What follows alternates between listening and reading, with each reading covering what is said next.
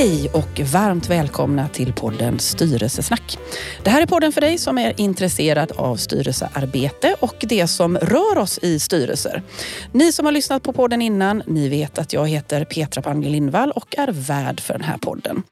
Och eh, idag så ska vi prata om ett ämne som är företagskultur som jag tänker är superviktigt område för oss i styrelsen att eh, förstå och eh, ha med oss i vårt arbete helt enkelt. Och jag har bjudit in Hans-Peter Arnborg som gäst idag. Varmt välkommen till dig Hans-Peter. Tack så mycket. Kul att vara här i viktiga frågor. I viktiga frågor, eller hur? Och då tänker jag för att lyssnarna ska förstå lite grann varför du kan prata om det här området så får du jättegärna bara presentera presentera dig lite kort kopplat till eh, företagskultur. Tack. Eh, alltså, lång bakgrund kan vi säga. Jag kom nyexad 1980 84. Det är 40 år sedan, det känns sådär. Eh, men det är länge sedan. PG Gyllenhammar tyckte att Volvo-koncernen skulle bli bäst i världen på psykosocial arbetsmiljö, ledarskap, värderingar hette det på den tiden och så vidare. Vi var ett gäng unga människor som kom dit. Jag varit avdelningsansvarig där några år senare och drev upp en verksamhet som då jobbade väldigt mycket med personlig förändring.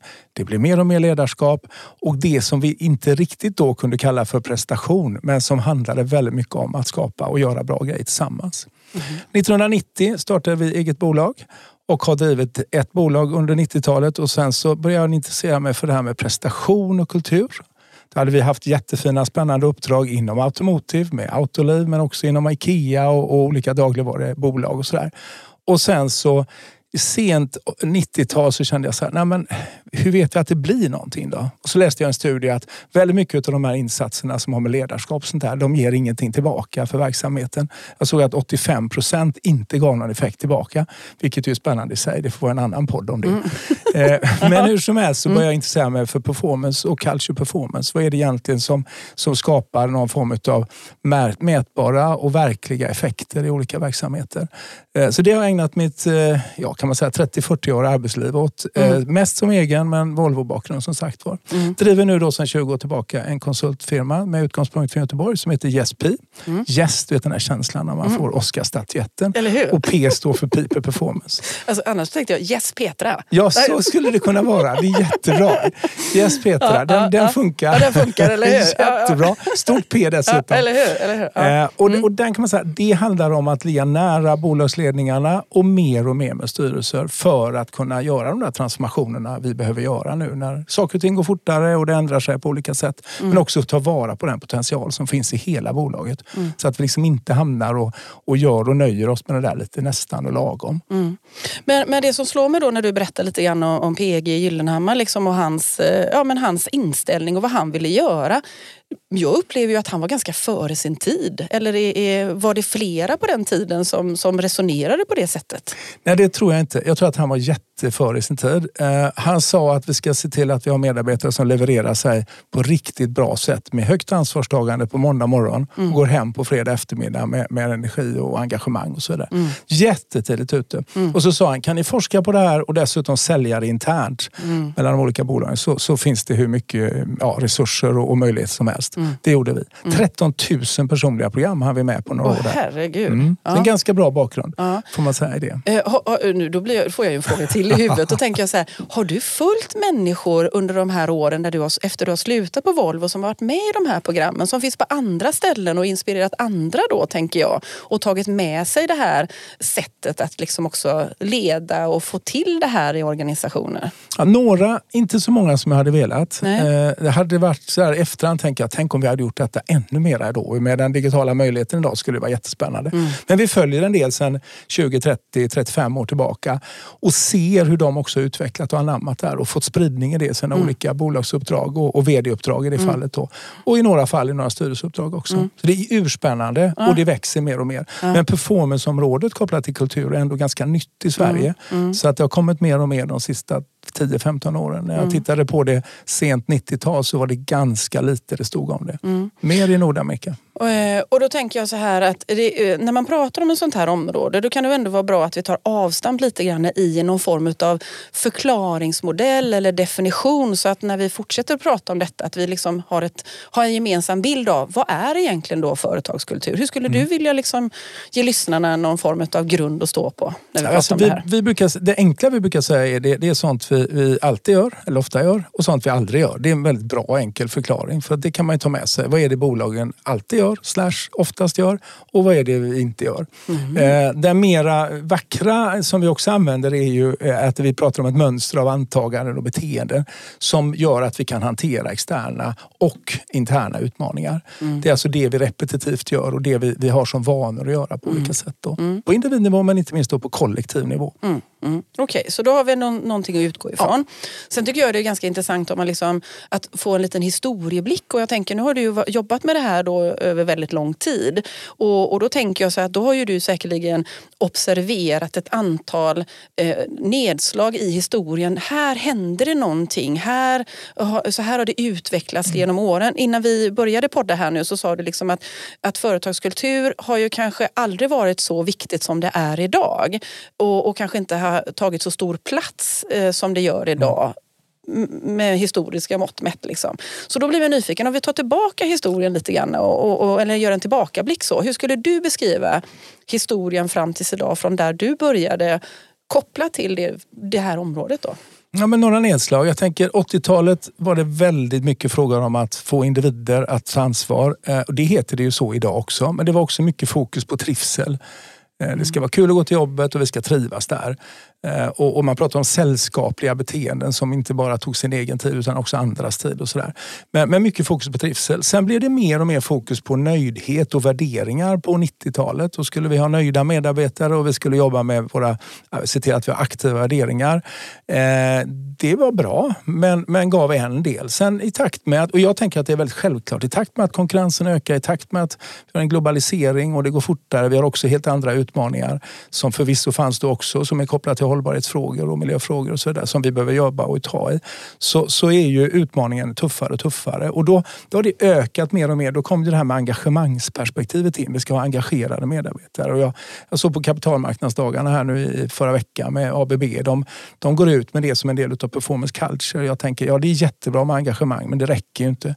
Eh, vi var på Operan här i fredags och tittade på en fantastisk dansföreställning. Om vi skulle mäta deras prestation så skulle vi knappast fråga om de är engagerade. Det räcker liksom inte riktigt där utan det är helt andra perspektiv också i det då. Mm. Så att man kan säga att från trivsel till nöjdhet eh, via då engagemang så blir det mer och mer, handlar det mer och mer om, om det som vi kallar för prestation. Mm. Eh, och prestation för oss handlar om att ta vara på den potential och hantera de hinder som finns på vägen. Inte den utslitande eller icke hållbara prestationsdelen som, mm. som gör att vi far illa som individer eller, eller som bolag. Så att jag kan se en sån skillnad i det hela. Mm. Eh, och jag tänker att det har väldigt mycket med, med det som händer i omvärlden och, och, att det går troligen snabbare. Det är väl som någon sa, det kommer aldrig gå så långsamt som idag. Eller hur? Men vi använder ju ordet prestation på lite olika sätt. Mm. Min upplevelse är att väldigt många tycker att prestation, du pratar om det här, det som inte är hållbart, det som, inte, eh, det som kanske eh, är mer förstörande och inte det här liksom göra rätt saker och det som, som, som vi, vi kan göra över tid. Upplever du att du oftast får en återkoppling till dig när du använder ordet prestation, att det är negativt? Ja, föreställningen är att det kan vara så. Men mm. nej, inte så ofta. Det händer ibland. Vi är ja. ganska snabba också med att beskriva vad vi menar med det. Att, det. mm. att det handlar just om att ta vara på potentialer. Det handlar också om att, att eliminera de saker som, som stör oss och som skapar frustration eller som, som sliter på oss på olika sätt. Mm. Och, jag har jobbat en del, också då på 80-talet, med stressforskning och sånt där. Så att vi är ganska pålästa på de där grejerna tycker mm. jag fortfarande. Mm. Eh, men det handlar väldigt mycket om att folk vill göra bra grejer och de vill gärna göra bra grejer tillsammans. Mm. Det är för oss prestation och så mm. finns det en massa nycklar i det då. Mm. Så att vi, vi märker inte det. Och, och vi gör väl kanske 75-80 procent i, i privata näringslivet så gör vi en del i offentlig. Inte heller i offentlig dyker det upp så ofta även om vi märkte det lite mer tidigare. Mm. Så nu har vi vant oss lite mer liksom att prestation är liksom att ägna sig åt att ta tillvara på potentialen och ägna sig åt rätt saker. Ja. Det handlar inte om att göra mer saker på den tiden vi har. Och, nej. Nej. Som... nej. men ibland, ibland, har vi, ibland möter vi organisationer och verksamheter och delar av verksamheter som, som är lite, det kan vara fat and happy och för bekvämt. Och då, mm. ja, då är det lätt att säga vi ska inte jobba tuffare, vi ska bara jobba smartare. Ja, fast några behöver springa lite snabbare också. Mm. Så nu låter jag väldigt hård i det, men, men jag skulle nog säga det att vi, ska inte, vi, vi måste titta på det med lite mer finmaskigt. Mm. Men i grunden handlar det om att ta vara på den potentialen som finns i det mm. och, och på, på, olika sätt inkludera organisationen. Vi pratar ofta om let people perform. Hur får vi människor att, att få tillgång och få chansen att vara med och göra bra grejer? Mm. Eh, och det kommer an på ledarskapet, det kommer an på den kultur som finns. Mm. Eh, och det kommer naturligtvis mycket sprunget från, från styrelseområdet också. Mm. Men jag tänker när man pratar om de här områdena, nu använder du ju en hel del ord, prestation, motivation, alltså liksom så här. Hur, mycket, hur väl beforskat är det här området och hur många eh, forskningsområden går egentligen in i det här? För du pratar ledarskap, vi pratar motivation, du pratar har sagt stress. Alltså alla de här är ju egna forskningsområden. Mm. Eh, och, och, forskarna är ju inte alltid överens tänker jag. Så att, eh, Nej, så är det säkert. Ja, ja. Eh, samtidigt tänker jag så här, det, det, det, är väl det som är, det här är ett brett område mm. det, det, och det tror jag man ska vara klar över att det är verkligen det in, omsluter många olika delar. Mm. Eh, det handlar om det som handlar om arbetstrivsel och prestationsglädje som vi pratar mycket om. Eh, jätteviktig fråga som berör engagemang, som berör påverkansmöjligheter, som berör nära goda relationer och så vidare. Så där finns ju en sån del i det också. Mm. Men det finns också forskningsdelar som handlar om hur det här kopplas till, till lönsamhet och tillväxt och, och mm. uthållig verksamhet och sådär. Mm. Eh, som, som också är viktigt. Och jag tänker att ska vi vara detta utifrån ett lednings och styrelseperspektiv så behöver vi på något sätt ha koll på hela den här stora kakan. Mm. Eh, vilket är urspännande i sig. Ja, eh, och jag har ju massor med frågor då. Va? Men eh, är det en relevant fråga att ställa och säga liksom om vi ska nu har du fyllt det med någon form av definition eller någon form av förklaring finns, om, om liksom, det finns ju massa olika beståndsdelar i det som är, adderar upp till en företagskultur, tänker jag. Eller, mm. du, jag vet inte om det var det du menar med nycklar eller olika liksom, eh, pusselbitar ja. i det här. Eh, hur, vad finns det för olika pusselbitar då när man liksom ska prata om företag som det här omgärdar så att säga? Mm. Jag, det, jag tror att det är en väldigt bra fråga. Jag tror att den är också jätterelevant att ta med sig när vi botaniserar i det. För vi som jobbar i branschen, vi, har, vi är lite snabba och det är lite floskelord och det, vi vill göra lite snabba lösningar och vi vill gärna synas och höras och sådär. Mm. Eh, och, och då, Inkluderar du själv i det? Absolut, eller? Och du är ju ändå så. i podden här Nej, tänker jag. jag tänker det. alltså jag tänker, och, och goda skäl du vill sprida liksom, ja, bra saker, bra erfarenheter. Ja, men jag tänker det. Jag tror att en, en föreställning som finns det är att kultur är lika med värderingsarbete. Jag tror att värderingar är en viktig del. Men om vi ska mm. titta lite djupare så behöver vi gå in i kärnan på det. Och då, då tror jag man ska titta på vad finns det för historia i det här? Hur ser det här bolaget ut? Hur kom kom det till och varför kom det till? Det behöver vi, det behöver vi ha med oss. Kan man säga någon form av DNA-spaning mm. i det hela. Då är vi inne på ägare. Absolut. Alltså, vad, vad, vad var liksom drivkraften? Ja. Vad var anledningen till att man en gång som ägare startade? Ja. Och sen beror det på om det de ägarna finns kvar eller om man har liksom ändrat ägande kanske under, under loppets gång. tänker jag. Ja. Vi brukar mm. titta på det som en, en lök och, och, och, och det, det, finns ju olika såna modeller naturligtvis. Men om man tittar på kärnan i, som innersta delen som handlar om, om historia och hur det kom till och varför och sådär. Eh, så går man vidare till dem och tittar på dem som då förväntas vara kulturbärare och ledare i verksamheten. Och det kan vara styrelsepersoner, det kan vara ägarindivider, det kan också vara viktiga eh, personer på olika roller och maktpositioner och så här mm. som man tar med sig. Då behöver man titta på det. Mm. Går man utanför nästa ring i den här löken så kan man då säga att då handlar det om värderingar, det handlar om beteenden, det handlar om olika saker utav kan vi säga, eh, normer. Eh, det handlar om, om vad har vi för attityder? Eh, vad är våra föreställningar och sånt där som också påverkar. Men inte ens det räcker tycker vi då utan vi behöver också titta på mer detaljer mm. som, som, som kan man säga länkar till beteende men som handlar om hur ser myterna ut här? Vad är det man pratar om på den här firman? Hur är det då egentligen? Hur, på, jag vet när jag, Provtrycker man myterna då? Liksom? Måste provtrycka myterna mm. och, och, se vad är det för myter som har bäring på vår framtid och, och vad är det för myter som är skitbra men som vi faktiskt kanske ska ha någon form av avslutningsfest med. Eh, och sen, och sen Begrava. ja, men lite så faktiskt. Eh, och så behöver vi titta på vad finns det för ritualer? Hur ser våra möten ut? Har vi de möten vi behöver? Har vi fantastiska möten? För det vet vi hjälper till att prestera bra grejer. Eh, se- sen behöver vi också titta på belöningssystem och belöningsformer. Vi behöver titta på maktfördelning. Vi behöver titta på hur ser det ut med inkluderingsdelar, ser vi till att ha tillräckligt med mångfald. Alla de här små detaljerna som är jätteviktiga. Det är inte små, men de, man kan tycka att det är små detaljer, men de har stor betydelse för oss. Eh, behöver titta på Återigen, eh, hur, hur pratar vi här? Vad finns det för artefakter? Nytt huvudkontor, vad får det för betydelse för kulturen? Eh, Spridning i olika delar av världen, vad får det för olika delar? Och så, vidare. så, så skulle man kunna dela upp kulturen. Sen ser vi tre stycken huvuddelar vad kultur kan ge eller inte ge. Som det kan vara värt att ta med sig. Vi, vi definierar det. Det ena handlar om kulturens hävstång eller icke hävstång för strategin. Alltså vilken betydelse har den kultur vi har för att vi ska få framgång i vår strategi? Och för oss är det ju liksom, det är kärnan i allt detta. Eh, och, och vi tycker det, där finns det en stor potential. Eh, Gör du? Ja, visst är det roligt? Ja, den delar vi ju nog, eh, Jag den, är helt den tanken. övertygad om Ja, det. ja, Jag ja. tänker det. Och, och den, det gör också att då blir kultur, om vi är på det sättet och tittar på det, så blir det också en, en eh, styrelsefråga. Såklart. Eh, Det är inte en HR-fråga. Alltså Mm. Det är jättebra att HR är med i det här men det är en VD-fråga och det är en styrelsefråga. Mm. Vi vet, det finns forskning på det som visar att det kommer uppifrån. Mm. Eh, 80 procent, eller 78 om vi ska vara exakta, procent utav de här olika framgångsrika kulturella transformationerna Mm. börjar uppifrån. Eh, Och det kan man ta med sig. Så att Mm. den handlar om hävstång för strategin eh, och allt vad det innebär i det. Då. Den andra delen handlar om etiken, hygienfaktorerna Mm. som påverkar eh, varumärket naturligtvis men som också påverkar arbetsglädjen. Eh, Och det vet vi vad det kostar när det skiter sig. Mm. Eh, Och, och, och det där slår ju, det, det blir lite sent när vi är på bollen på det sättet. Det behöver vara mycket, mycket tidigare då, så att Mm. vi är förebyggande i det. Kopplat naturligtvis till regelverksfrågor men också kopplat till förebilder och, och etik och sådär. Mm. Den tredje delen som vi pratar om kultur, det berör vardaglig prestation och vardaglig arbetsglädje. Mm. Okej. Mm.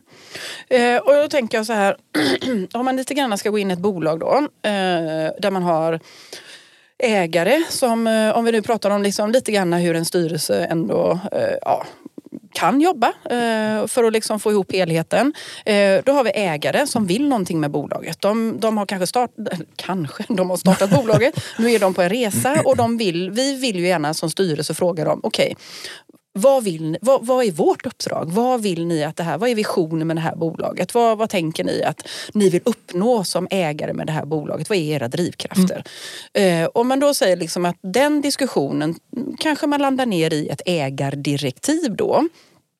Eh, och, så, och så tänker man att det här ska vi omvandla till en strategi. Då är vi inne på det som du var inne på tidigare. Liksom, hur ska vi få den här hävstången för att möjliggöra för den här strategin? Då, va? Som vi sedan ska bryta ner då i lite kortare perspektiv och kanske mer till aktiviteter. Ja, men det här traditionella då. Eh, och så är det ju många som då, s- jättefina styrdokument lite som du var inne på innan, men där man inte får det här görandet som man önskar. Eh, och om vi, om vi, vi ska ju ha styrelseperspektivet då. Eh, du och jag har ju inte försnackat så mycket så vi får se om vi, var vi landar i frågorna. Liksom så då. Men om man då som styrelse har ägare, alltså eh, får den här tydligheten från ägarna då i sitt uppdrag. Vad tycker du är viktigt för en styrelse att, att liksom få svar på från ägarna för att man också ska få en bra förutsättning i sitt styrelseuppdrag? Alltså jag tänker att, det, och det här är säkert sånt som du och ni som jobbar i styrelsefrågor och utbildar i styrelsefrågor och sånt har massa bra svar på. Men jag tänker att det handlar väldigt mycket om att få tydlighet i riktning och förväntningar kopplat till riktningen. Eh, Och vad, vad jag som ägare vill ha ut utav detta. Kortsiktigt, långsiktigt, hur ska vi göra och så vidare. Det. Eh, Och jag tänker den typen av ägardirektiv den kommer väl från ägarna till, till styrelsen, eller hur? Ja, men det, vad, vad, som, vad jag upplever nu, nu tänker jag så här, jag som ändå har varit i i, i styrelsebranschen då, i snart 20 år i alla fall. Mm. Eh, då kan jag säga så här, när jag började min styrelsekarriär då tyckte jag inte att vi såg den, alltså ägardirektiv generellt. Nej. Sen att ägare pratar med varandra och kanske hade någon slags egen uppfattning men kanske inte var så tydligt överförd till en styrelse. Mm. Sen så har ju vi kanske de senaste, nu, ja men jag utbildar ju liksom i de här mm. frågorna där vi försöker prata om det här med ägare så att det kanske är mer vanligt idag än tidigare. Mm. Och tidigare så upplevde jag också att man var mer på de finansiella målen. Eh, omsättning, tillväxttakt, mm. lönsamhet, eh, soliditet, utdelningsstrategier mm. eller önskemål. Då, va? Väldigt så mm. eh, smalt. Eh, numera så ser vi ju ägardirektiv där ägare eh, och där styrelser faktiskt ställer frågor. Liksom så här, ja, men vilka är ni då? Vad, vad, har ni för värderingar? Vad har ni för eh, etik och moral? Eller hur kan jag docka in? Hur kan jag bidra? För jag vill vara i ett sammanhang som, som, som ledamot här. Mm. Och jag vill jobba med ägare, jag vill jobba med andra som, som eh, jag kan jobba med, som ger mig de förutsättningarna. Eh, vissa ägare är jättetydliga med det. Mm. från eget initiativ. Andra behöver kanske fundera lite grann där styrelsen behöver eller kanske ställer den typen av frågor. Mm. Så om, om jag ska få berätta liksom någon liten, mm. liten, liten historieberättelse. Sen, sen är det min observation och kanske inte en generell observation. Då. Så att eh, ungefär så ser det ut. Eh, men det är ju alltid ägarna som måste landa ner i det där. Och det tänker jag eh, är ju en, ett stort ansvar ägarna måste ta på sig. För inte de tydliga mm då blir det ju också svårt för övriga eh, och eh, likväl styrelsen, vd att bli tydliga i nästa led. Om inte man säger så här, okej, okay, kära ägare, vi, vi får ingen tydlighet från er så nu skapar vi oss själva en tydlighet och så får ni väl säga till om inte den duger då så kör vi. Liksom. Mm. Så kan man också göra naturligtvis. Liksom. Så man behöver ju inte vara helt i händerna på ägarna. Nej men klassiskt i pyramiden är det så att kommer det inte uppifrån så skapar jag det själv. Ja, och, men, och, och, ja. och, det är väl en del av kulturutmaningen också. Mm. Då, för då kan man säga, gör inte då styrelsen det så gör ledningen det. Gör inte mm. ledningen det så gör man det på avdelningsnivå. Ja. Eh, och, och, så någonstans så finns det en problematik i det. För då leder ju, kan man säga, då leder leder kulturen verksamhet och mm. inte ledningen kulturen. Och mm. Den distinktionen är väldigt, väldigt viktig. Mm. Vi upplever också att det är en skillnad på, troligen är, kopplat till människors behov och önskan att och mera öppet prata om vikten av meningsfullhet och mm. syftesdrivet och så vidare. Mm. Det vill jag förknippa mig med också som ägare troligen. Mm. Och jag vill förknippas med det som, som, som styrelsemedlem eller som, som ledningsperson eller som medarbetare någonstans i organisationen. Mm. Det märker vi och, och får vi det att lira ordentligt så skapas det ett kitt som är jättestarkt. Mm. Sen tänker jag så är det du säger också att det, det har väl också visat sig att den, den, det totala värdet idag som består av kan man säga, alla de här detaljerna och det som är tangible assets, det har ju bara ökat. Jag såg någon studie som visade att det var 80 procent av värdet idag kommer från det som har med varumärke och som mm. har med den kompetens som finns och som har med kultur och sånt att göra. Mm. Jämfört med 40 år sedan då det var 20 procent. Mm. Och det, det var precis då jag började. Så det kan man väl säga det har blivit en resa. Du har bidragit? Nej, det tror jag inte det. Men det är väldigt intressant. Och det är en värderingsförskjutning i mm. det. Mm. Sen kan jag ju tycka det med värderingar att det, det finns ju värderingsförskjutningar, det ser vi. Men vi vet ju också det att det är väldigt uppdelat. Det finns de som tycker precis att det är jätteviktigt och så finns det de precis som tycker tvärtom. Mm. Eh, och då får man ju fundera på vem man vill leka med. Mm. Och så röstar man med fötterna annars. Oavsett om jag är i styrelsen eller om jag sitter som, som medarbetare någonstans mm. och jobbar som medarbetare. Eh, jag vill bara ursäkta mig här. Jag är en liten förkylning så därför jag hostar lite grann ibland. Men vi vill inte klippa här så det är, vi är naturliga med samtalet vad som händer och pågår i rummet. Men det, det hoppas att det går bra ändå. Eh, det som slår mig bara, vi ska fortsätta prata för vi ska tratta ner det lite mer tänker jag. Men eh, under pandemin, mm. eh, gjorde ni observationer då på eh, liksom, kanske företag ni har jobbat med och hur, hur de hanterar sina, liksom sin företagskultur. Hur man också eh, tog sig an de outsagda och de sagda eh, reglerna som ändå ganska snabbt utformades i samhället. Mm. Visst, eh, vi fick vissa krav eller liksom så här skulle vi göra och, och, och så här. Ja, så.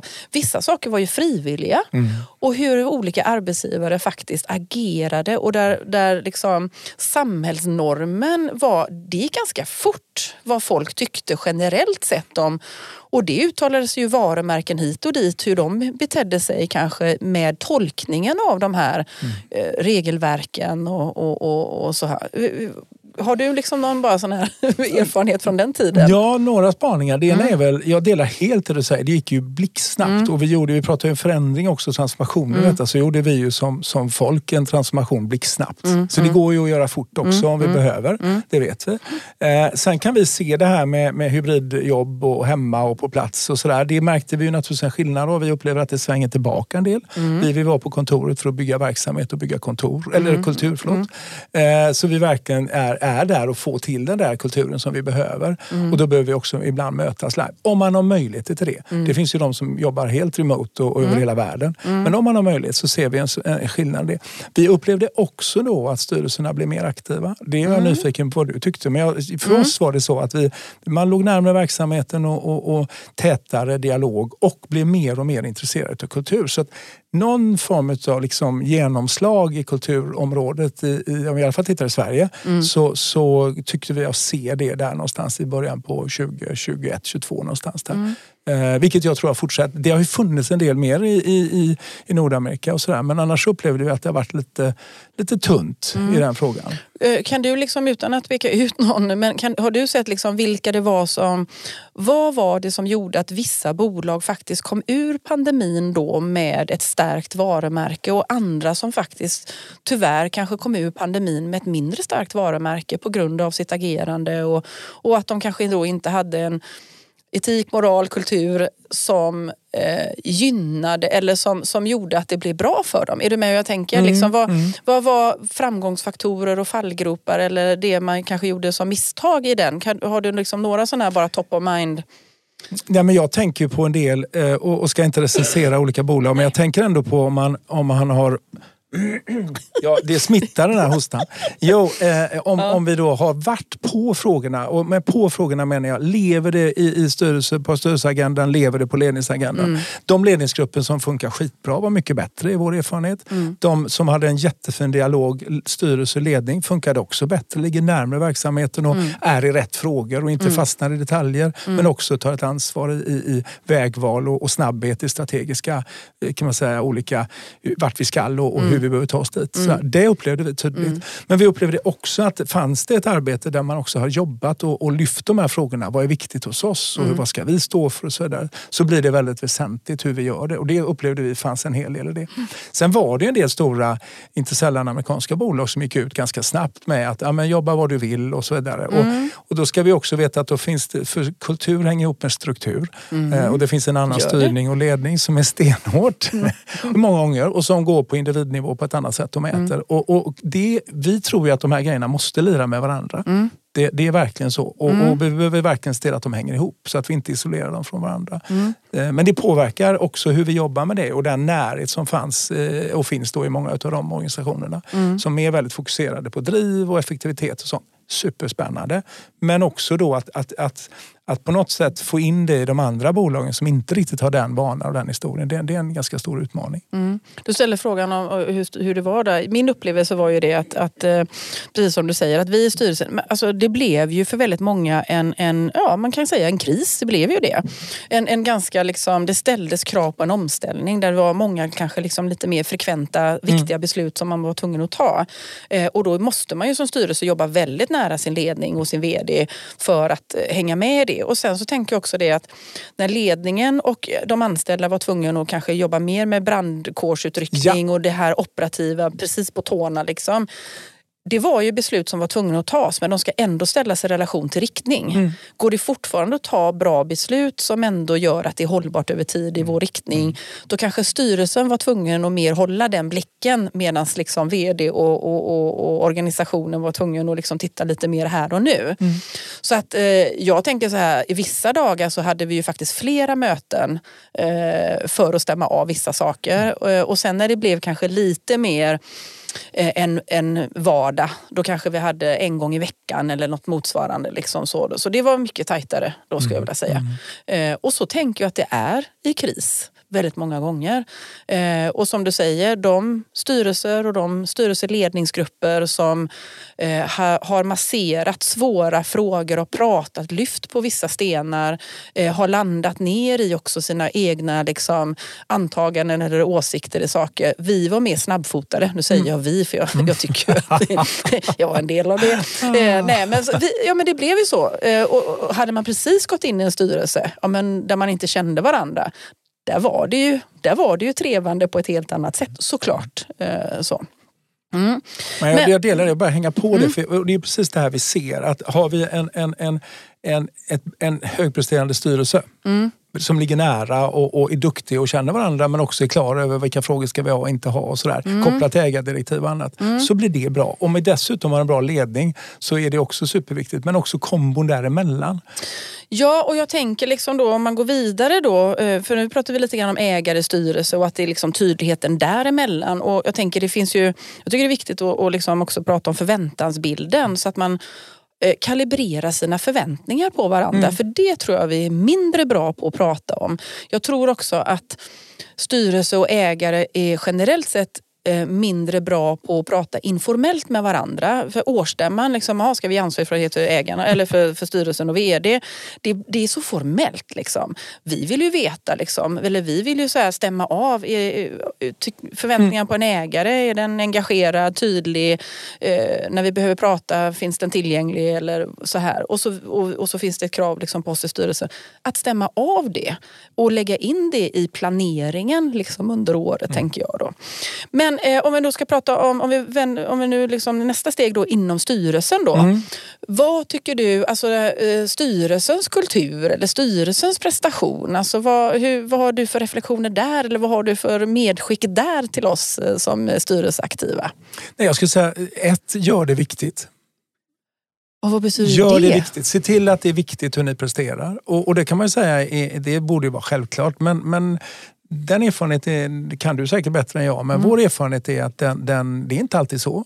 Utan, Vad menar alltså, nej, men Då tänker jag så här, ja. potential minus hinder. Vad är maxpotentialen för den här styrelsen? Mm. Hur kan vi prestera? Vad är viktigt för att vi ska prestera toppen? Mm. Hur agerar vi med fokus på inriktning och på strategivägval? Hur ser vi till att vi håller en hög standard på omvärldsinspel och att mm. vi är duktiga på det? Hur ser vi till att vi, och det vet vi också, hur funkar vi som grupp? Är vi mm. duktiga på det här eller inte? Servar mm. vi varandra eller är det några som pratar mer och allt det där som, som, som det kan vara. Men, mm. men om det inte görs till en styrka så, så blir det ju, kan man säga, då är vi inte på den där 80, 90, 100 procentiga nivån som vi skulle kunna behöva vara på. Mm. Så det är ju spännande i sig, tänker jag. Ja, och då, då tänker jag så här, då måste man ju...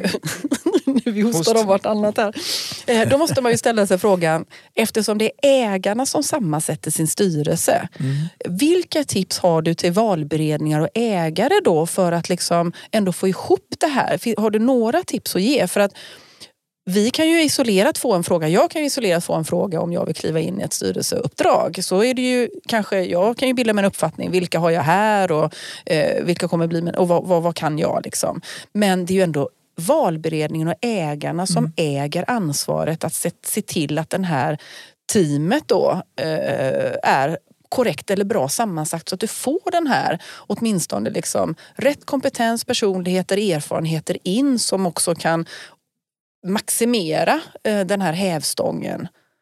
Eller? Mm. Ja, Vad har du för tips till, till ägarna då? Ja, till valberedningen. Ja. jag tänker samma som du säger. Hur ser vi till att vi får den här optimala gruppen som verkligen tar de olika perspektiven? Det går ja. snabbare idag. Vi behöver ha koll på den här tysta kunskapen som är. Vi behöver se till att vi, vi lever i, i, den riktning som vi vill. Vi behöver se till att vi har de värderingar som vi verkligen står för. Det börjar ju också uppifrån. Mm. Så det tänker jag egentligen är en hygienfråga i styrelsen och i valberedningsarbetet naturligtvis. Mm. I övrigt så, återigen, jag kan inte recensera riktigt hur det går till där för jag tänker att jag har föreställningen att, att väldigt många valberedningar är skitduktiga på det här. Men jag kan också se att det är många styrelser som vi hör inte funkar optimalt. Och det är olyckligt för det mm. smittar tittar, det regnar neråt. Det mm. regnar på, på VD och det regnar på ledning men det regnar också och påverkar totalkulturen också. Mm. Blir vi snabbfotade? Är vi tröga? Blir vi introverta istället för att vara utåtriktade? Och så vidare. Mm. Nej, men jag tänker så här på de här, de flesta bolag, så här små och medelstora bolag och deras ägare. Eh, hur med vilken omsorg de också funderar igenom hur de ska sammansätta sina styrelser. Det är ju ganska lätt att man kanske då eh, får en rekommendation om en person och så är det, eh, ja men det, mm. den har ett bra rykte, ja men den mm. tar vi. Mm. Och så får man kanske inte den här liksom eh, Alltså att, att, man bemödar sig inte att titta på bredden så att man också får ihop det här. För tar jag in dig i en styrelse så är du en person. Mm. Och då ska ju du liksom också docka in i att det kommer några till där. Liksom. Så att det handlar ju om att lägga ihop det här pusslet. Så har du några kloka råd då till, till ägare som ändå liksom ska fundera över att sammansätta sin styrelse för, för just den här prestationsdelen så att säga?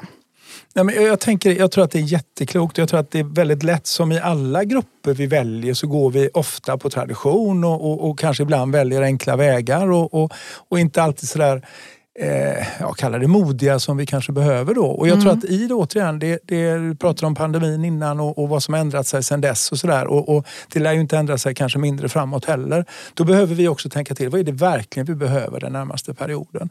Eh, två, tre, fyra, fem år. Och hur ska vi i så fall göra en bra sammansättning av styrelsen? Jag tror att de här frågorna som handlar om den, den, det som berör det som har med varumärke, det som berör det som har med företagskultur. Jag tror att det är superviktigt. Mm. Men inte att det är någon nödvändigtvis som kommer in och ska kunna massa om marknadsföring. Utan ska komma mycket mer långsiktigt och mycket mera påverkan på identitet och, och, och vilket bolag vi ska vara framåt ordentligt. Så att mm. det inte hamnar i en situation där vi tar in styrelsepersoner som har sin förkärlek för att gå in i operativa frågor, vilket är så jättelätt naturligtvis. Mm. Och då påverkar det kulturen. Vi ser ju sådana exempel från och till hur, hur, det, hur det återigen smittar neråt i organisationen på ett mm. olyckligt sätt. Så att, mm.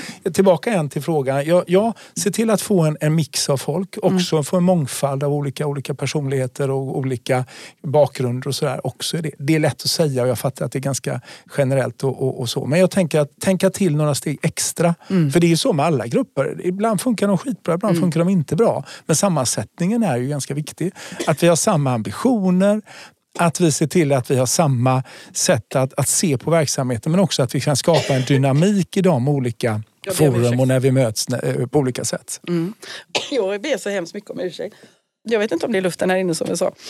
Du, jag bara tänker så här, eh, när vi pratar om mångfald i styrelsen. Mm. Eh, alltså styrelser kan ju inte vara sådär jättestora. Nej. Alltså, då är det också svårt, liksom, hur får man till den här, alltså, hur, får man, hur ska man skära liksom, mångfalden när man ska tänka i styrelse till exempel? Hur stor ska en styrelse vara, tänker du? Alltså, jag är inte styrelseexpert på det sättet men jag tänker som i, i alla grupperingar så, så tänker jag att i mindre bolag så bör det i alla fall vara en, en, en 4, 5, 6 pers. Tänker mm. jag. Mm. jag tror det är olyckligt om det är stora storlekar för det skapar anonymitet och tröghet. Mm. Eh, och framförallt när det är mycket förändring. Som i alla grupper. Mm. Eh, det, det sägs ju någon gång att en 6-7 pers är bra. Mm. Eh, men jag fattar att man ibland behöver vara flera olika representanter för olika delar. Men för att inte få en, en bara en representativ styrelse så tror jag också där att vi behöver verkligen se till att skapa en styrelse som det här blir ett riktigt bra presterande gäng. Mm. Som har skitkul tillsammans men som är kloka när det är tuffast tider. Som också är kloka att tänka framåt. Med analysförmåga och så på olika sätt att, att funka med varandra. Mm. Jag tänker just liksom det här med vad ska styrelsen för att, för att liksom vad ska man säga, bidra så bra som möjligt. För du pratar ju om det här med strategi och det är ju definitivt en mm. styrelsefråga mm. som vi delar mm. naturligtvis med ledningen. Men vi ska ju ändå säkerställa att vi kan omsätta ägarviljan, omsätta ägarambitionerna till ett görande varje dag. Ja. Och då måste vi ju ha kittet strategi, taktik, handling liksom och görande. Och som du säger, liksom, det här det är struktur och det är kultur. Eh, och jag tror att väldigt många är vältränade i den strukturella delen. Det, jag uppfattar det i alla fall.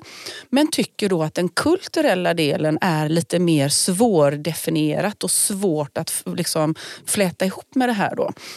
Eh, om du nu då ska liksom, eh, ge tips till styrelser hur man ska liksom hantera den frågan kopplat, kopplat till det strategiska arbetet. Vad, vad, vad skulle du säga till oss då? Dels tänker jag att det, det, är viktigt att se de här perspektiven som kompetensområden som vi behöver ha koll på. Både var och en för sig men också tillsammans på olika sätt.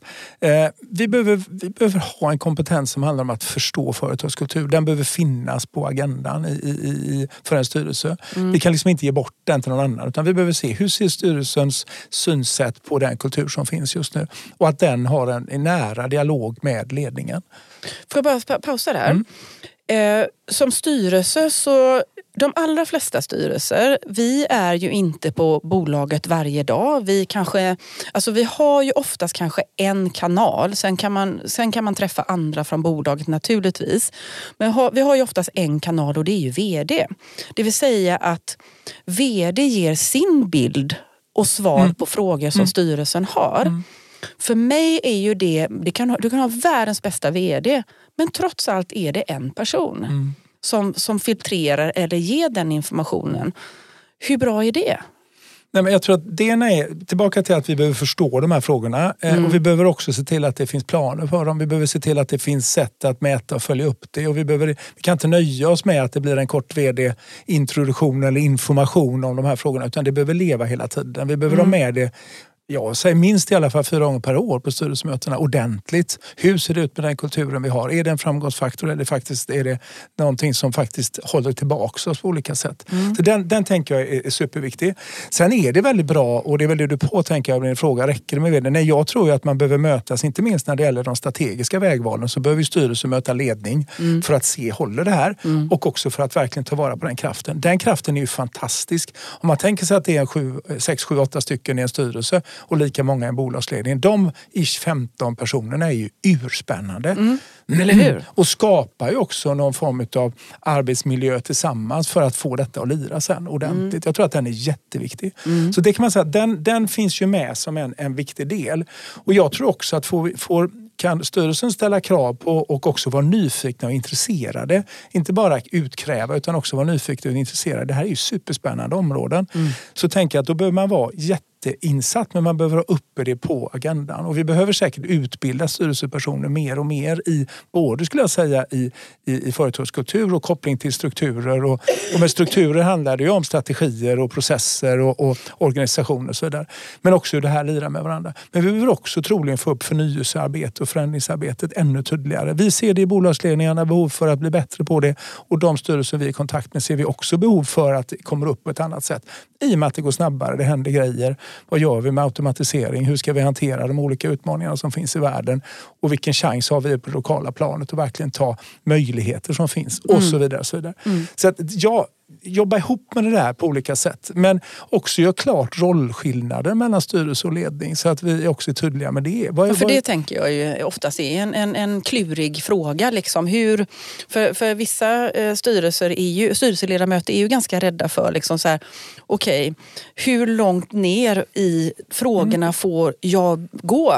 Och, utan att det, som det ska upplevas som att jag är nere i den operationella syltburken.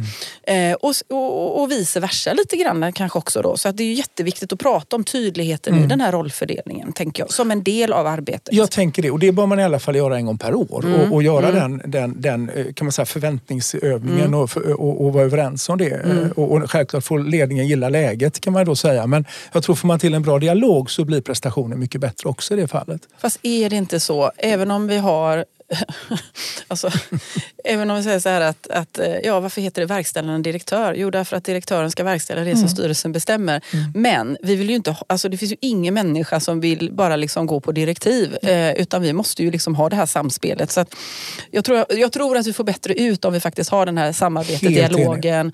Eh, utmanar varandra på ett gott sätt liksom, så att vi, vi tänjer varandras gränser lite grann. Så. Och, och så säger vi ju i, ute i organisationen. Det är så precis så vi vill ha det för att ja. få bäst prestation och bäst arbetsglädje. Mm. Då behöver det naturligtvis vara samma saker mm. också. Men jag tänker att den är väldigt viktig att få mm. upp den delen. Att man verkligen möts i det på olika sätt. Mm. Men också då i anslutning till det hittar tydlighet i förväntningar kopplat till hur ska vi, hur ska vi mötas i, i kulturfrågor, kultur och förändringsfrågor, mm. prestationsfrågor. Mm. Hur, hur, ser det ut och, och, vad har vi för processer i det?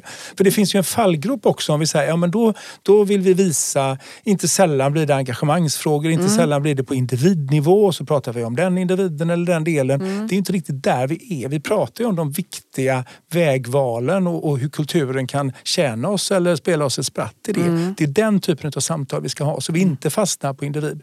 För det blir ett svaghetstecken ja, i individfrågorna ibland också kan jag tycka när det blir det vi fastnar i som detaljer. Ja. Eh, om man ändå får liksom, om vi fast, eh, mm. jag ska inte fastna i detaljer, ska inte fastna alls. Men jag tänker bara så här, en VD som vill ju använda sin styrelse som en resurs om det funkar mm. som det ska vara. Kloka människor i styrelsen med mycket erfarenhet kanske från andra, andra bolag Absolut. och andra situationer. Absolut.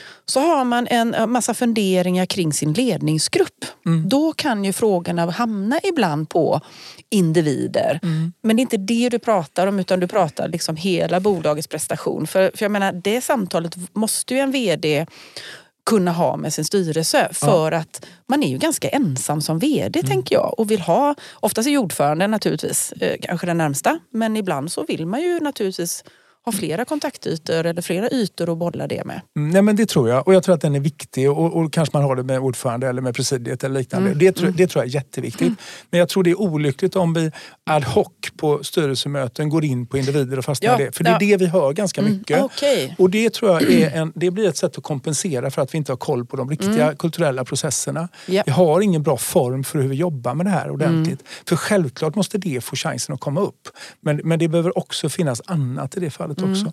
Och vi, vi, återigen, de här tre delarna med hävstång, det som handlar om etik och hygienfaktorer och det som handlar om prestation och arbetsglädje. Så kan man säga att hävstången bör absolut vara uppe på styrelsen mm. regelbundet etiken behöver vara uppe på naturligtvis. Mm. Som har med, med vårt varumärke och det det påverkar oss och, och, attraktiviteten på olika sätt. Det behöver också leva regelbundet och gör ju det men det får inte ske ad hoc. Mm. Det är det jag är ute efter, att det mm. behöver hittas mm. processer för det.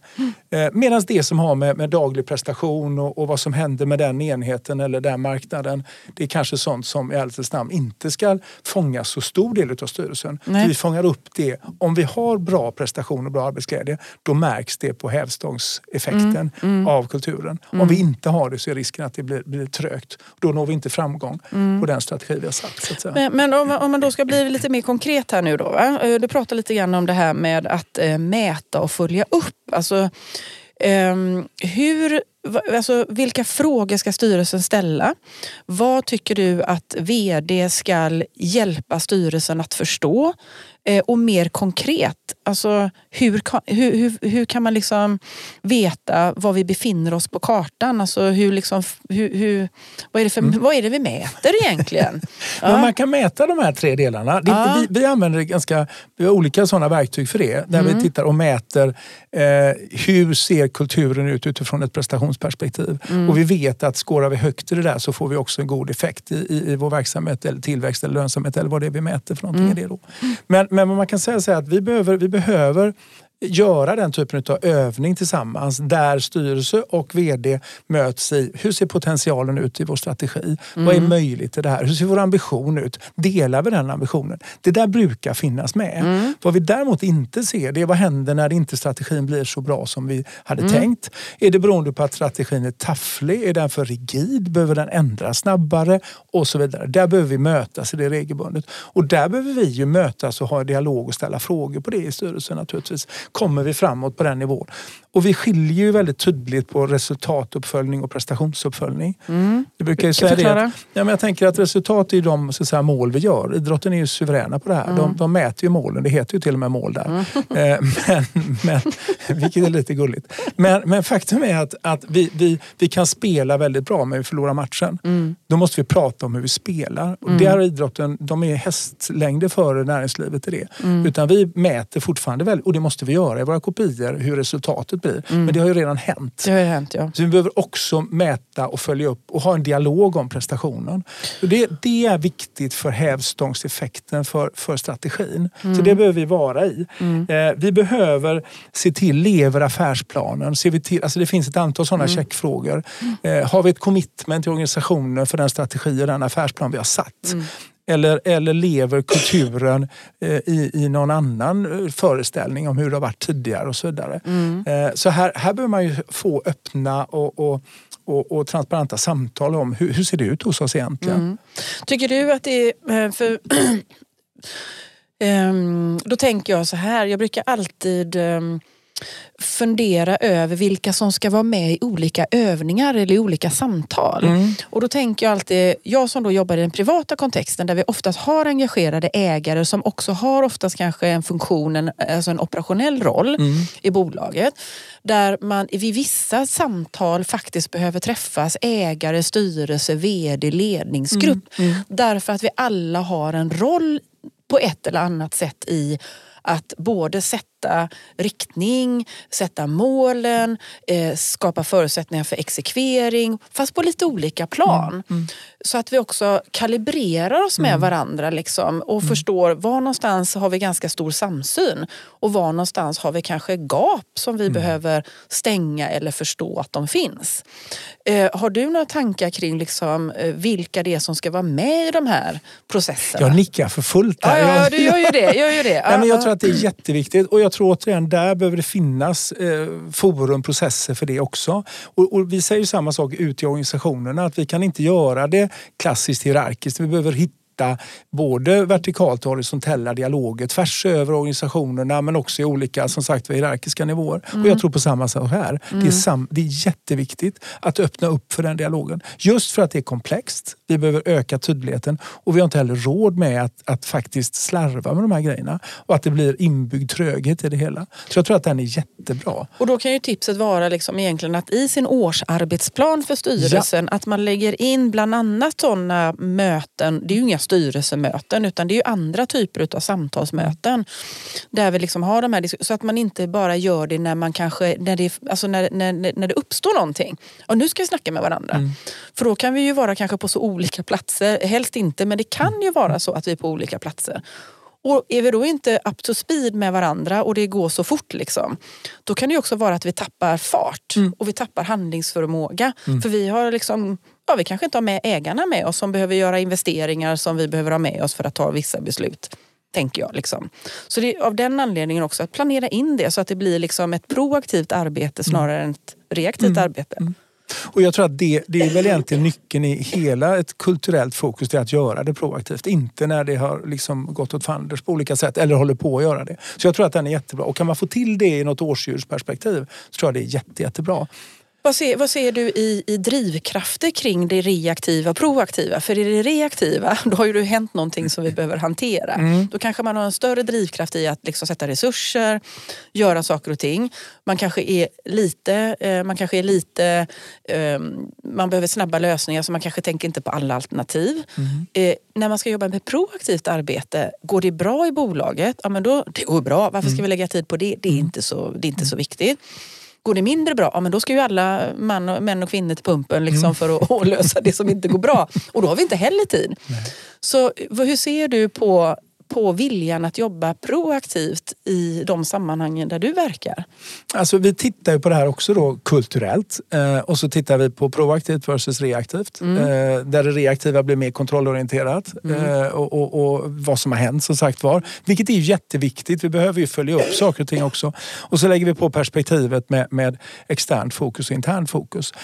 Och det är klart att i en, en omvärld som rör sig snabbare, i mer komplexa situationer, i en, en en förändrad digital värld på olika sätt så behöver vi se till att vi ligger väldigt framåtlutade på olika sätt. Mm. Eh, och det märker vi väldigt tydligt och vi ser på traditionella bolag som har funnits länge där det finns en, en ganska, man har en, en vana vid att jobba på ett visst sätt, arbetssätt som, som känns på gränsen förlegade ska jag säga, men som rullar på ändå. Mm. Det är väl den största utmaningen, att, mm. att få den förändringen då. Så jag ska säga att det proaktiva är ett väldigt, väldigt bra. Och tittar vi på tillväxtkultur, tittar vi på innovationskultur, tittar tittar vi på det som handlar om att få förnyelse och så vidare och, och change ready culture så är det superviktigt att vi har den, den kan man säga då, tidigt agerande men också tidiga dialogen då på olika sätt. Mm. Tillbaka till din idé om att skapa forum där, där vi möts ska man säga, i olika konstellationer men tillsammans då på, mm. på det sättet. Jag tror mm. den är jätteviktig. Mm. Mm. Och vi blir för tröga annars märker vi kulturellt. Mm. Eh, och, att, och då får vi en problematik med att,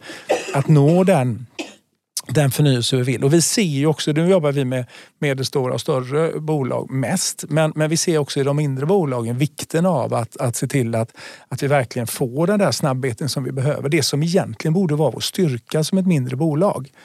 Men jag, jag tänker det, alltså jag observerar ju det ganska mycket för jag, jag jobbar ju mycket med innovationsutveckling och strategiutveckling mm. och just det här förnyelsens, eh, alltså att vi vi måste jobba med dagens affär, morgondagens affär och framtidens affär. Affärsmodeller. Ja. Eh, liksom så. Ja. Och det allt, oavsett vad som kommer i vår väg så måste vi liksom hela tiden vara på och med.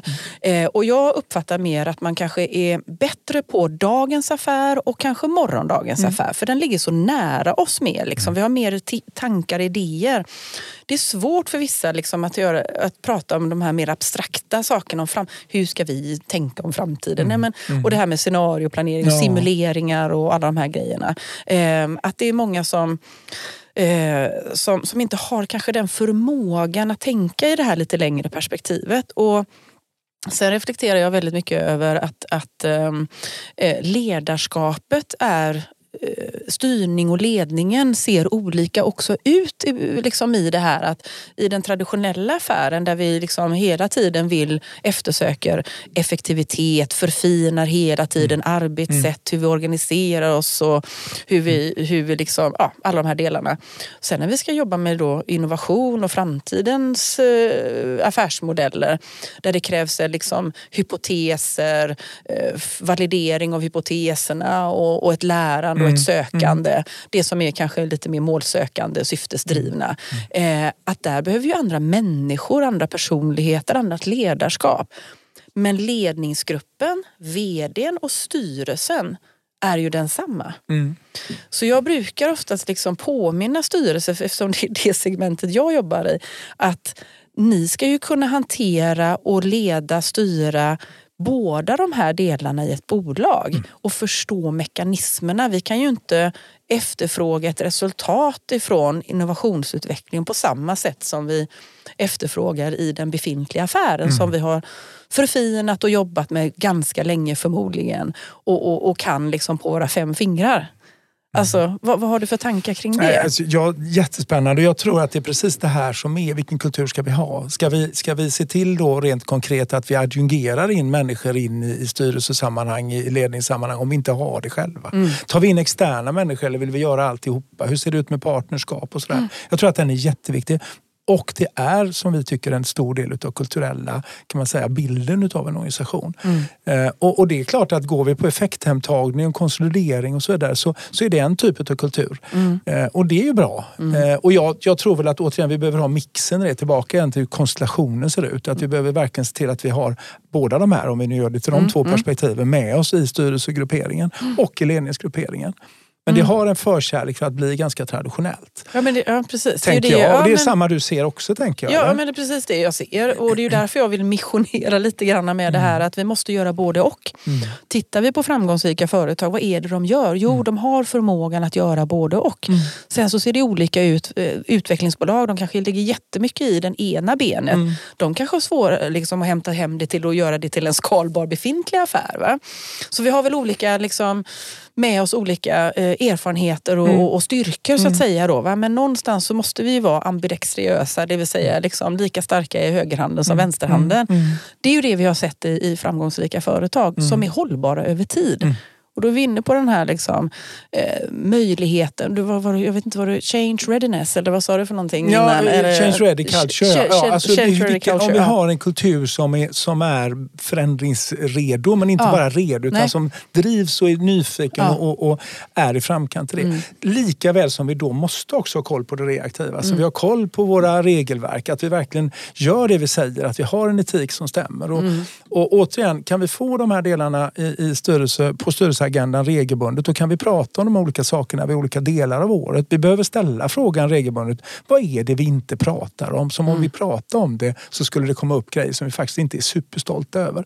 Den typen av frågeställningar som har med hygien och etik att göra. Som är brutal när det, när det verkligen skiter sig.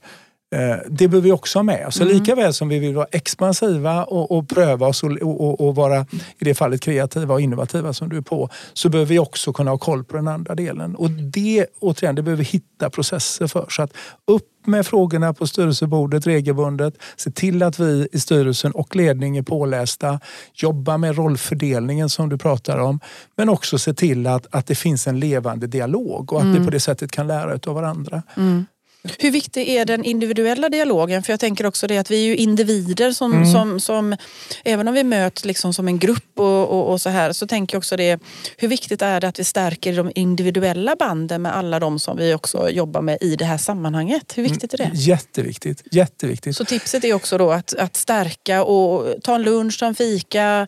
Eh, ja. Inte bara liksom att komma in i, i styrelsemötet och så, så kör vi och så mm. går vi därifrån och så mm. ses vi nästa gång vid ett styrelsemöte till exempel. Nej, regelbunden dialog, skapa trygghet, det vi pratar om apropå psykologisk trygghet. Mm. Och i psykologiska trygghet ligger också att vi är överens om ambitionen. Mm. Är vi inte överens om ambitionen så blir det skitjobbigt sen. Mm. Så att, att, att mötas i det och ta den dialogen kontinuerligt och också se till att vi inte får kan man säga, en kontrollerande dialog. För då mm. har det ju liksom börjat gå lite sent.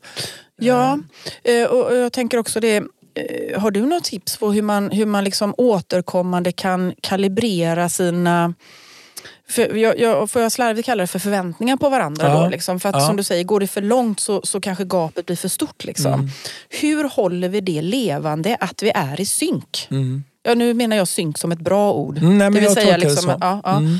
Hur, hur, har du något tips där? Hur, hur, gör, hur gör man för att uh, vara i synk? Ja, dels tänker jag att uh, i en styrelse så mm. tänker jag att det behöver vi också kalibrera med varandra och, mm. och prata om förväntningar regelbundet och göra det några gånger per år. Och se, mm. vi, vi har satt upp den här målbilden, vi har fått det här direktivet med oss, här är målbilden. Hur går det för oss? Hur presterar vi just nu?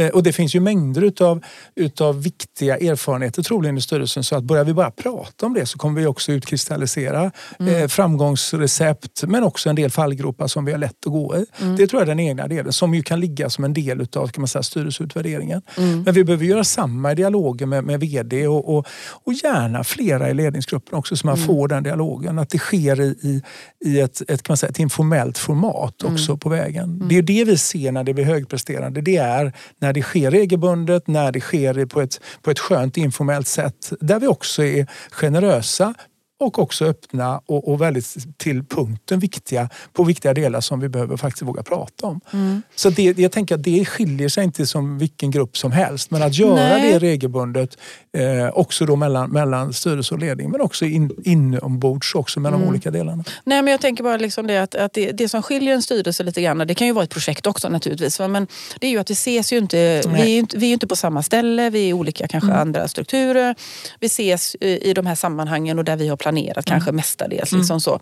så vi är ju inte på jobbet tillsammans varje dag. Nej. Och det är väl det liksom lite grann, då kanske man måste vara extra noggrann med att bygga in det i sina arbetssätt. Liksom. Ta mm. ett möte till exempel, nu ska vi ha ett mm. styrelsemöte. Mm.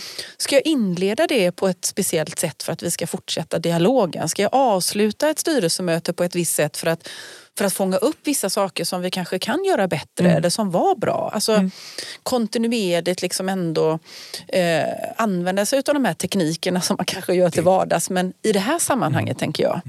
Det tror jag är jättebra. Och, och där har vi olika fallenhet. Det finns ju oftast någon, även om inte styrelseordförande är bäst på det, så kan det vara någon annan som tar mm. det. Så kan vi dela det med varandra på ett bra sätt. Mm. Vi gör ju regelbundet speed dating där vi sätter förväntningar där vi gör uppskattning. Men där vi också sätter förväntningar framåt. Mm. Eh, vilket speed är jätte, dating, jättebra. Alltså. Speed dating. ja. Tre minuter per person och så möts vi i det. Så får du tre minuter om mig ja, och så får jag tre minuter med, med dig. Varandra. Okay. Ja. Och fantastiskt. Det brukar vara superboost men också Innan väldigt klargörande. Innan eller efter ett möte till exempel? Nej, man får avsätta lite tid till det. Det kan ta ett par timmar att göra. Ja, okay. Så det vill ju mm. till att man är beredd att investera det. Men jag tänker återigen, om vi vill ha en kultur som är spänstig och som driver och som är snabbfotad i den mån vi behöver vara det. Mm. Då behöver vi komma närmare varandra på olika sätt i detta. Mm. Och det gäller i styrelsen, och det gäller också i ledningen och det gäller sinsemellan det också. Mm. Då i det fallet. Mm. Jag har, jag har en sån här liten en klassiker eh, som du kanske kan hjälpa mig med i alla fall på något generellt, en generell nivå. Vi säger så här att vi, vi, vi ett företag, eh, vi har liksom tillsammans med ägarna, eller ägarna säger liksom så här, nej men vi behöver ändra riktning. Vi vill, vi vill sätta upp andra mål. Vi vill um, uh, ändra ambitionsnivån på mm. det här bolaget. Så vi säger att det börjar hos ägarna. Liksom. Börja prata med styrelsen och, och uh, nu tänker vi så här. Uh, och styrelsen inser liksom fortfarande kanske vi är relevanta som mm. styrelse. Mm. Vi säger det i alla fall. Då, va? Men, men vi har fått lite nya... Merparten är väl i alla fall ja, relevanta? Förmodligen, förmodligen. För att vi är på den mm. strategiska mm. nivån. Så oavsett så ska ju vi kanske bi kunna bidra åtminstone, liksom, tänker jag. Eh, vi inser här då att vi behöver faktiskt ändra strategin. Mm. Så vi behöver ha ett arbete med ledningen för att liksom, okej, okay, hur omsätter vi detta då i strategiska termer? Vi kommer fram till att nej men, det finns ett antal vägval vi behöver göra här som vars vägar vi inte varit inne på innan. Mm. Vi behöver göra ganska stora förändringar här. Mm. Mm. Och, och, då, och, och liksom Och så diskuterar man liksom, vilka förutsättningar ska vi ge oss själva för att, för att få till de här förändringarna. Så kanske en utav eh, det man landar ner i är just företagskulturen hos oss. Mm. Den kanske ger, eh, är mer ett hinder än en möjlighet för den strategi, mm. vägen eller valen vi tror på. Mm. Var börjar man då? När man inser det här att vi behöver göra, en del kallar det för kulturresa. Mm. Vi behöver göra en sån förändring eh, i våran kultur. Och ja, du förstår, mm. storlek på bolag kanske och, och, hur långt ifrån den befintliga kulturen är det.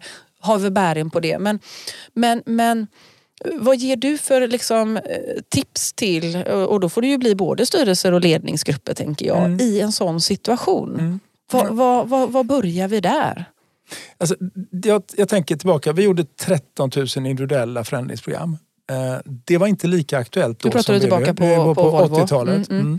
Sen har vi jobbat med förändring hela tiden sen dess. Det som har slagit oss väldigt tydligt de senaste åren, vi behöver få in omvärlden regelbundet och hela tiden.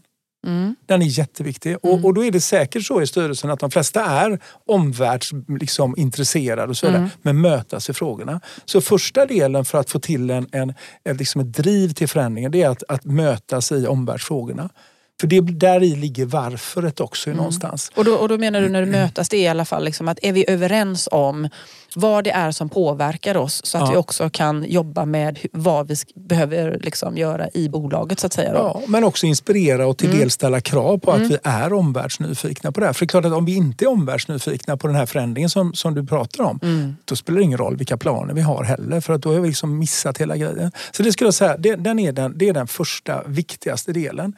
Sen behöver vi jobba med att titta på den kultur vi har och sätta mm. ord på den. Mm. Vi behöver framförallt titta på den kultur vi behöver ha och vad den får för effekt. Det är också därför det räcker inte att jobba med värderingar. För det är så mycket mer mångfacetterat på det. Hur ska vårt bolag se ut där? Vad är det för viktiga delar vi har? Så att den kulturinventeringen om man så säger som vi gör för att göra den där kulturtransformationen eller kulturresan, den behöver ju kopplas till strategin. Mm. Så att man kan säga omvärlden viktigaste, sen börja titta på önskat läge och nuläge i en klassisk kan man säga gapbild och, och mm. göra det.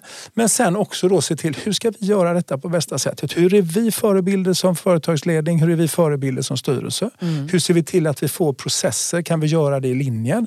Kan vi göra, behöver vi tillföra resurser? Ska vi göra det i någon form av förändringsprogram som vi genomför? kan ju se lite olika ut. Mm. Eh, men jag tror att är det en radikal förändring då behöver vi också se över kompetens och också resurstillsättning. Mm. Och då blir det en styrelsefråga till syvende och sist. För då behöver vi investera oss in i detta också. Så att här finns ju delar som, som vi behöver göra. Sen är det, sen ska jag säga, när vi behöver få den här bilden av nuläget så behöver vi inkludera organisationen. Mm. För där finns ju motståndet troligen till förändring i den beskrivningen mm, du har. Mm, mm. Eh, och då återigen, in med omvärlden till medarbetarna. Det är någonting som är, tycker vi är väldigt underskattat. Så det handlar om insikter, liksom, att landa ner i eh, varför. Ja, mm. väldigt mycket så. Så man kan göra det till sitt Ja, väldigt mycket så. Och, och se till att återigen ös på med men för förut har vi haft information ibland som, som maktmedel. Nu behöver vi se till att vi har information som, som, som eh, syre drivmedel. och drivmedel istället. Ja, det är bättre uttryck. Som syre brukar jag säga. Ja. Tilliten skapas ju där någonstans. Mm. Men sen jobba professionellt med det. Börja jobba, hitta goda exempel. Se till att hitta framgång någonstans om vi inte kan vara överallt på en gång. Se till att få goda ambassadörer. Se till att ledningen verkligen representerar det vi vill den ska leda framåt. Mm. Det blir ju avgörande frågor också för styrelsen. Mm. Är vdn rätt? Kommer hen att ta den här resan framåt mm. på det sättet vi vill? Mm. För kultur i det fallet blir ju en absolut förutsättning för affärsframgång. Mm. Och det är det tänker jag vi pratar om. Det.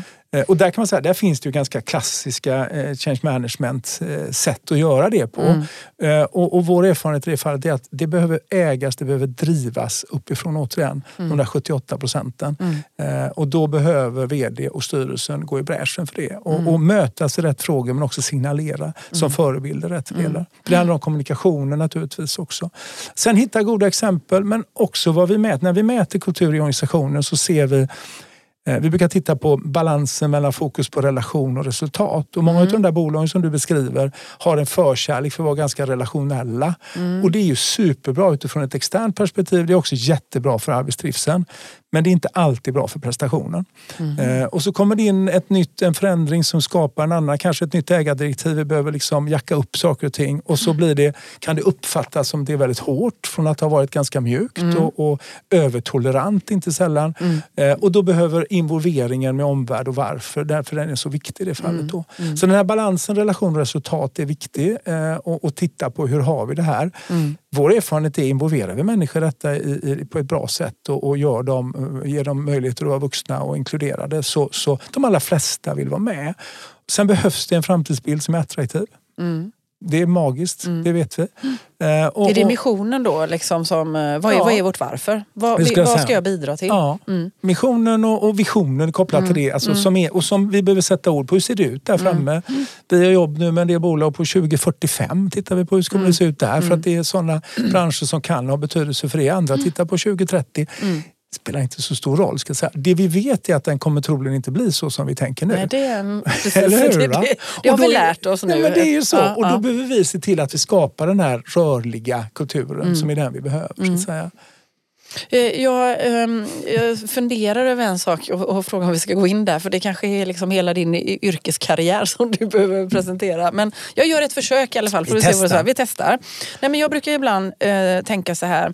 När jag ska gå in i styrelseuppdrag så kan jag fundera över liksom, eh, ägarnas ge ägarna förutsättningar för oss i styrelsen. Det vill säga, och då brukar jag kalla liksom, ja, men ägarmognad till exempel. Alltså uh, inventera. Mm. Uh, hur ser mm. ägar Eh, på ett antal olika parametrar mm. som, som jag har landat ner i under mitt, min, mitt yrkesliv. Mm. Det finns ingen, liksom, inte vad jag vet i alla fall, någon metodik för det. Eh, jag, eftersom jag jobbar mycket strategiskt så brukar jag också prata om strategi, alltså bolagsstrategimognad. Ja. Eh, så. Har, har du någon motsvarighet liksom till Eh, liksom, företagskulturmognad. Ja. Finns det någon ja. sån skala tänkte jag säga. Eh, men, men liksom, och, och, kan man bryta ner det i bara några enkla beståndsdelar för att liksom ändå... För att när jag får en fråga om ett uppdrag till exempel mm. så vill jag ju göra en bedömning av liksom, är det här ett bolag som passar mig? Har det här bolaget förutsättningar för att jag också ska kunna bidra? För vissa kan ju jobba med väldigt, eh, ja, från, från scratch liksom. Mm. Medan andra vet att nej men, vissa saker måste finnas på plats annars blir inte jag bra. Eh, du förstår vad jag menar, ja, det är olika. Va? Ja, och då kanske man vill ändå sätta fingret på liksom och försöka förstå.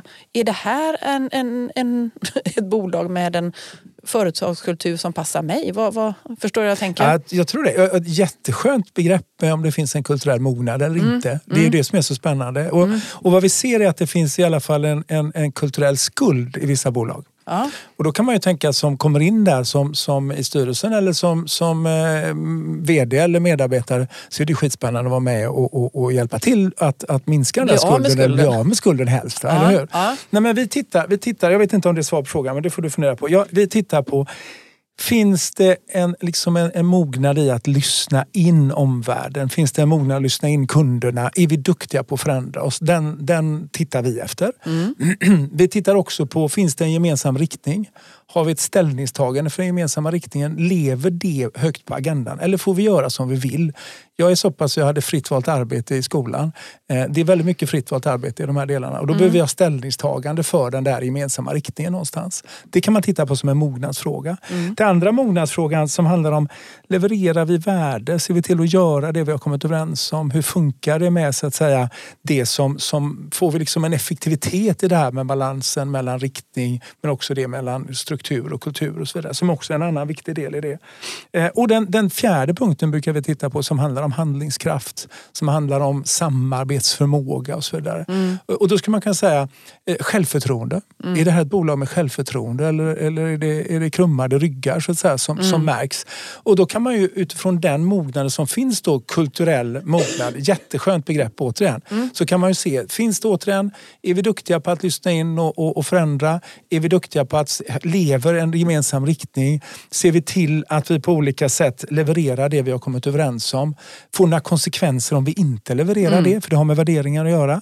Mm. Eh, och vi mäter som jag sa till er förut och, och det är inte sällan att vi får där, där många bolag i Sverige tillhör de absolut sämsta i världen på att det blir konsekvens på om vi inte gör det vi har kommit överens om. Mm. Vilket är jättespännande i sig. Mm. Och hur tar vi oss an det då? Ja, ja. Eh, vi, vi, ser många bolag som ligger bland de 20-30% sämsta bolagen i världen. För eh, konsekvens. För konsekvens. På, Brist på konsekvens mm. på medarbetarnivå mm, i det fallet. Mm, mm, och jag tänker att det finns ett tydligt samband mellan framgång i strategin exempelvis. Mm. Som, som är del det. Och den sista återigen handlar om handlingskraft och samarbete exempelvis mm. och självförtroende. Så jag tänker det kan man nog titta på. Jag tänker att där kan man ju ändå liksom försöka ställa frågor, bilda sig en uppfattning. Pratar man med flera och, och får man liksom synkade, hyfsat synkade svar liksom i, i, i dess botten eller andemening. Då kanske det stämmer överens och, och då kan man bilda sig en ganska ganska god bild om man nu liksom vill gå in och utvärdera ett ja, uppdrag till exempel. Ja. Och det kan man ju även använda sig sen när man går in i uppdraget och, och, och kunna liksom gräva sig djupare ner i tänker jag. Eh, och ha som guide guidning eh, som styrelse? Jag, jag, tror absolut det. Och, och jag tänker, vi, vi, titt, vi gör ju såna här eh, kan man säga, kulturmätningar då, mm. där vi tittar på kultur och prestation som jag sa förut. Och, och det gör ju vi för att se, är det ens möjligt? Mm liksom, mm. finns det en jordmån här? Eh, mm. kultur, kultivarer handlar ju om att växa och odla mm. saker och ting. Och då är mm. frågan, går det att växa här? Är det, liksom, är det ja. toxisk miljö? Det är kört liksom. Eh, och, man, och, vad, vad händer när man stöter på en toxic miljö? Ja, då är det en annan. Då är det fara och färde och, och, då behöver det jobbas med. Och det behöver jobbas på ett helhetssätt och systemiskt sätt så att man inte tror att vi löser det bara om vi går in i just den lilla delen. För mm. det är oftast ganska spritt. Mm. Det, hänger, finns samband liksom. Ihop. Ja. Mm. Och, och, och, då tror jag man måste ta ett helhetsgrepp i det fallet. Men då har det gått ganska långt. Mm. Men då är det också benägenhet att göra någonting. För det är ju det här med, med eh, lust och olust. Och mm. då är det så mycket olust och då vill vi göra någon förändring. Ja. Om inte annat därför så att säga. Mm. Då då. Så det, det, men det finns kulturskulder i väldigt många organisationer. Mm. Eh, och det är också därför jag, vi tror då i takt med att saker och ting rör sig att det kommer upp mer och mer på agendan. Sen upplever vi också att det finns en annan medvetenhet i många av de yngre mm. som kommer upp. Uh, och jag kan tycka att där, det finns någonting bra där som är, som är väldigt spännande. Eh, dels har det pratats mycket om, om kultur fast med kanske andra förtecken. Från att vi har suttit som treåringar i ring runt dagis eh, morgonen på måndag och höra hur är läget, hur funkar det här, vad är viktigt för dig idag? Mm. För att det här ska bli en bra vecka, hur ska den vara? Så där. Har vi tränat på det så kan vi säkert ha de förväntningar också när vi kommer upp i näringslivet på 30, 30, 40 årsåldern. Mm. På gruppnivå, nu ställer jag en väldigt utmanande fråga, tror jag, det är, kanske, det är en icke-fråga för dig kanske. Eh, men jag tänker på, på gruppnivå är kvinnor och män olika i att tycka kultur är viktigt? Mm. Eh, det är en generell fråga, du får ett generellt svar. Jag skulle säga så. Ja, jag upplever fortfarande att det finns förtecken som har med det relationella som fortfarande är fler kvinnor. Mm. Det har gjorts en stor studie med intervjuer av 1,4 miljoner där man har tittat på nio kan man säga, kulturella områden. Mm. Eh, flexibilitet, agilitet, prestationsfokus, förnyelsefokus och så vidare. Ett antal sådana delar. Det, det man såg var mest där handlade om, om den plattform som, som påverkade kulturen mest. Detta var Nordamerika, eh, som handlade om psykologisk trygghet. Och, och de som var mest måna om det och såg det mest, det var kvinnor. Mm. Okay. Så att det mm. skulle jag nog säga var ett svar. Och, och, jag förstår, eftersom jag är man så kan jag säga det lättare, lättare. Men ja, så är det. Mm. Däremot så tror jag att det, det, har ju med makt, makt är ju väldigt mycket också kopplat till, till företagskultur att göra. Att vi mm. vågar prata om den makten och hur det ser ut. Och mm. den traditionella makten och den framtida makten och så vidare. Mm. Och det är klart det här är spännande med fler och fler unga duktiga kvinnor som kommer upp från, från, från universitet och så vidare. Så det här behöver man ju ta med sig. Men så skulle jag säga. Eh, däremot upplever jag att kombon relation och resultat som vi brukar sätta är nyckeln till prestationskultur. Mm. Där tycker jag att det är bra med mixen. Mm. Eh, väldigt generellt uttryck. Mm. Men, men, men så skulle jag nog säga generellt. Det. Ja, jag förstår det. Nej, men jag skulle nog säga det. Eh, och jag upplever också att man har pratat så mycket förut om mjuka frågor och hårda frågor och så här och så har det blivit en del. Men jag upplever att att eh, intresset ökar eh, hos, eh, hos alla. Mm. Och, det, och det som vi landar ner i, det handlar ju faktiskt om affärsmannaskap, det handlar ju om resultat, det handlar om att det här är ju en affärskritisk fråga, ingenting annat. Nej. Nej, tänker jag. Och dessutom påverkar hur vi har det när vi går till, till våra olika styrelsemöten och till jobbet. Så det, det är ju någonting som är väldigt många vinnare i på mm. det sättet. Mm. Du, eh, tiden går fort när man har skoj, som jag brukar säga i den här podden. Jag tror alla, alla som har lyssnat på alla avsnitt har hört den avslutningen. Så.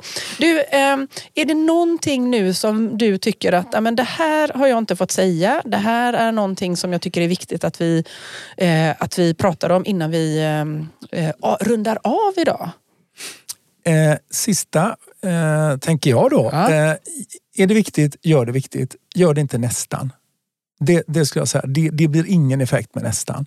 Du behöver göra det ordentligt. Och då behöver det här som är urspännande området upp tydligt på agendan regelbundet och med den professionalitet som finns både i styrelsekonstellationen men också i, i lednings och i organisationen. Så är det viktigt, gör det viktigt. Mm. Det lät nästan som min pappa när jag var liten. Så här, ska du göra det så gör det ordentligt, gör det inte halvdant. Ja, faktiskt. Det är väl en, ja, men det tror jag man ska säga. För mm. det, så, det handlar ju om kraft och motkraft ja, här också. Mm, och ska du komma igenom och göra någon form av kulturresa eller kulturtransformation, för det behövs, mm. då behöver det vara tillräckligt mycket kraft för att det finns så mycket i våra vanor och vi söker så mycket trygghet i det. Och då behöver vi hitta ett sätt att komma igenom det. Mm. Eh, och så behåll det här med, med energin och prestationsglädjen. Den är jätteviktig där mm. också. Men då tänker jag, det du säger också då, eh, det är att vi också måste prioritera. Ja. För allting kan ju inte vara lika viktigt Nej. utan vi måste också prioritera och vi kanske måste omprioritera eh, as we go along. Liksom. Ja. Mm. Så att det är en levande fråga också. Det är absolut det. Mm. Och så ibland får det lov att ta tid mm. och vi behöver jobba systematiskt med det. Men vi vet apropå pandemin, då gick det att göra snabbt också. Så ja. det går att göra. Man säger ju det att kultur är trögflytande men mm. det går att göra snabbt också. Mm. Är det, nu blir det mer frågor. I all, alla parametrar inom kultur, eh, går det att göra snabbt?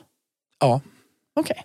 Bra, då alltså, vet vi det. Pratar du om artefakter så kan man säga, det, ska vi byta vårt sätt att jobba på arbetsplatser och så, så klart det kan ta lite tid. Men ja, ja mm. i den mån vi kan göra fantastiska kulturförändringar. Sen mm. kan man ju säga, blir de bestående? Ja, många mm. kan bli väldigt mm. bestående om vi bestämmer att det är viktigt. Mm. Mm. Eh, sen ska jag säga att när kulturen sätter sig så att det blir sådär fantastiskt spännande som att åka till Paris mm. och möta kulturen där. Den är mm. fantastisk. Mm. Eh, och när jag sa det till henne så sa han så här, ja men du, det hade inte blivit något av strukturer och de där kaféerna heller. Nej, du har rätt i, så jag. Det är ju kaféerna vi vill uppleva kulturen på. Mm. Nej, men då tänker jag att det, det, för att det ska sätta sig så behöver det också naturligtvis mogna in. Men vi mm. kan göra ganska många saker snabbt om vi behöver. Bra, då tänker jag att vi rundar av ja. med det liksom medskicket. tänker jag. Det går att göra snabbt, det är inte trögflytande alltid så. Eh, stort tack HP för, för den här tiden, även om vi hostade och stundtals igenom eh, det här. Nu känns det lite bättre, lite lugnare här på slutet. Så jag hoppas att eh, ni lyssnare har fått inspiration, fått andra perspektiv av, av vårt samtal. Eh, och kanske du också HP? Jättemycket, ja. och jag väcker massa spännande tankar. Ja. Jättespännande. Ja. Så eh, tack till dig och så tackar vi till våra lyssnare och så på återhörande helt enkelt. Hej då! Hej då!